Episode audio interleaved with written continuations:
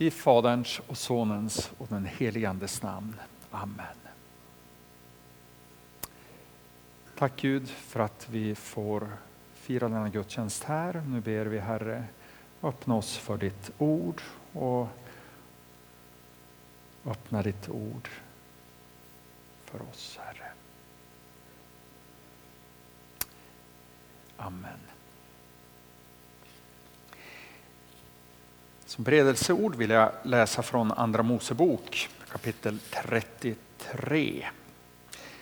Och det som var den gammaltestamentliga texten för söndagen som gick. Mose sa, låt mig få se din härlighet. Herren svarade, jag ska låta min höghet och prakt gå förbi dig och jag ska ropa ut namnet Herren inför dig. Jag ska vara nådig mot den jag vill vara nådig mot och barmhärtig mot den jag vill vara barmhärtig mot. Han fortsatte. Mitt ansikte kan du inte få se, ty ingen människa kan se mig och leva.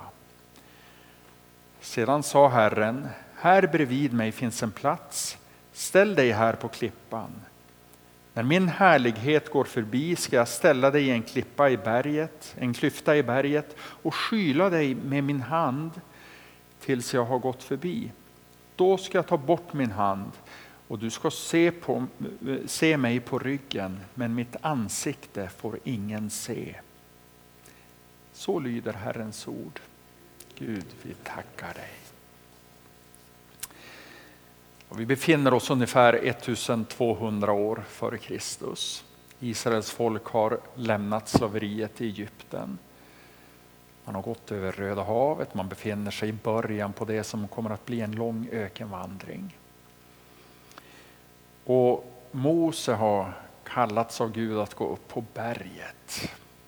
Berget omges av eld och rök och folket finns samlats där nere i dalen. och, och han har återkommit upp, för han har varit ner en vända.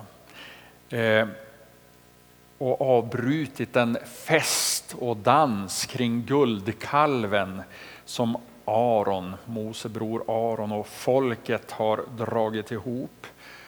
Och man har börjat tillbe den här guldkalven eh, på ett skamligt sätt bara efter någon dag här när Mose var borta. Man börjar tro att Mose kommer nog inte tillbaka från, från berget här.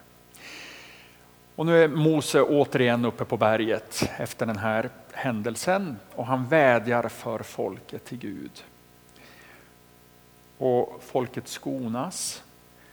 Men Gud låter dem veta att han själv ska inte längre gå med dem annat än genom att en ängel ska gå framför dem. Och här befinner sig Mose nu inför Gud och med en lång ökenvandring framför. Och då lägger Mose fram fem böner för Gud. Fem böneämnen lägger han fram inför Gud. Och det här är verserna precis innan de vi läste. Den första bönen är låt mig få veta dina vägar. Säger Mose. Eller låt mig få veta dina planer. Alltså må inte den uppenbarelse på Sinai här nu, låt inte den vara ett avslutat kapitel. Låt inte de krossade stentavlor med tio Guds bud som Mose nyss hade tagit emot men som är i vrede krossat. Låt inte det här innebära slutet på uppenbarelsen som Gud ger till Mose och till folket. Låt mig få veta dina planer, dina vägar. Den andra bönen Mose lägger fram inför Gud, det är se detta folk som ditt folk. Alltså en bön om att Gud inte ah, ska överge Israel som sin förstfödde son, sin älskade brud eller att Gud ska låta den förlorade sonen komma hem igen om man så vill. Se detta folk som ditt folk. Den tredje bönen är gå själv med oss. En bön om att Gud inte ska stanna på avstånd utan upphäva det här beslutet beslutet om att Gud, som Gud har sagt att han inte längre ska gå med. Vi behöver dig Gud. Gå med oss. Utan dig kan vi lika gärna stanna kvar där vi är och gå under. Gå med oss. Den fjärde bönen är, märk ut oss bland alla andra folk på jorden. Bön om att Gud ska sätta sitt bomärke på Israels folk där det står du är min. Avskilj oss, helga oss. Låt oss få vara det heliga folk som du ju redan kallat oss att vara. Och så kommer då den sista bönen som vi läste här. Låt mig få se din härlighet. Och även om vi tidigare i kapitlet har läst att Herren talade med Mose ansikte mot ansikte så får Mose här veta att ingen människa kan se Gud och leva. Ingen människa kan se Gud och leva. Mitt ansikte får ingen se, hörde vi här. Så Mose begär här någonting som inte kan beviljas honom. Och det är den enda av de här fem bönerna som avslås, åtminstone delvis.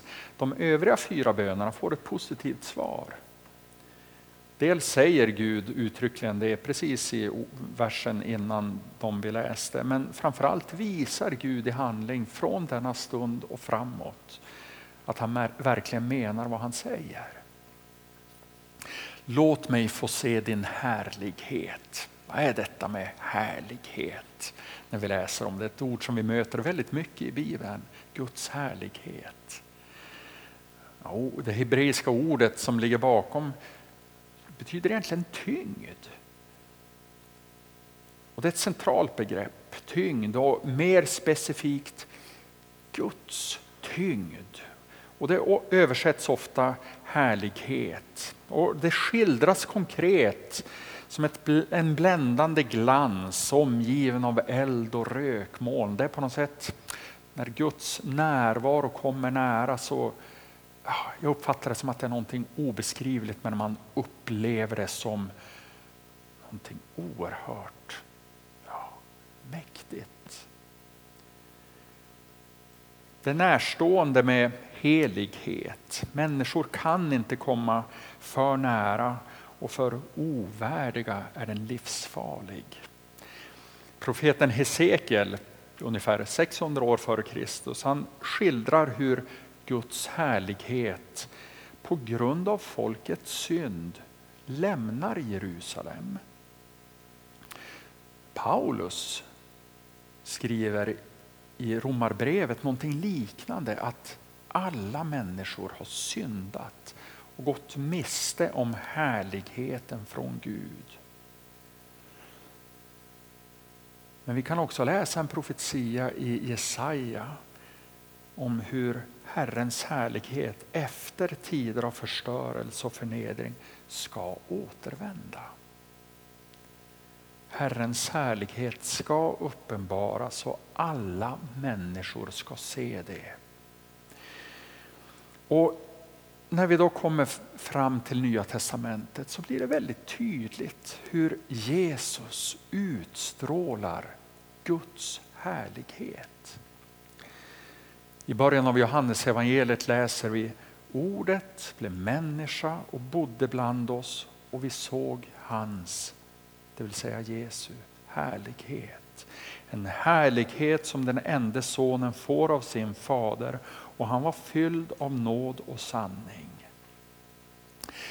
Den möjlighet som Mose alltså inte hade och inte fick, att få se Guds ansikte se hans härlighet. Den möjligheten har vi. När vi ser på Jesus. Och ur denna tanke så kommer hela bruket i den ortodoxa kyrkan med, med ikoner och att se Jesu ansikte.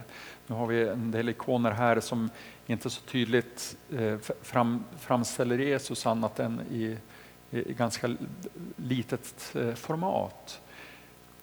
Det är hela tanken med ikonerna att vi ser in Jesu ansikte så ser vi inte bara ett ansikte, ett människas ansikte, utan vi ser Guds härlighet stråla mot oss. Och det kommer också till uttryck, inte minst när vi skådar mot Jesus på korset, den lidande Kristus. Vi kan alltså göra det Mose inte fick. Skåda Guds ansikte, se Guds ansikte. Paulus skriver om det i andra Korinthierbrevet 4.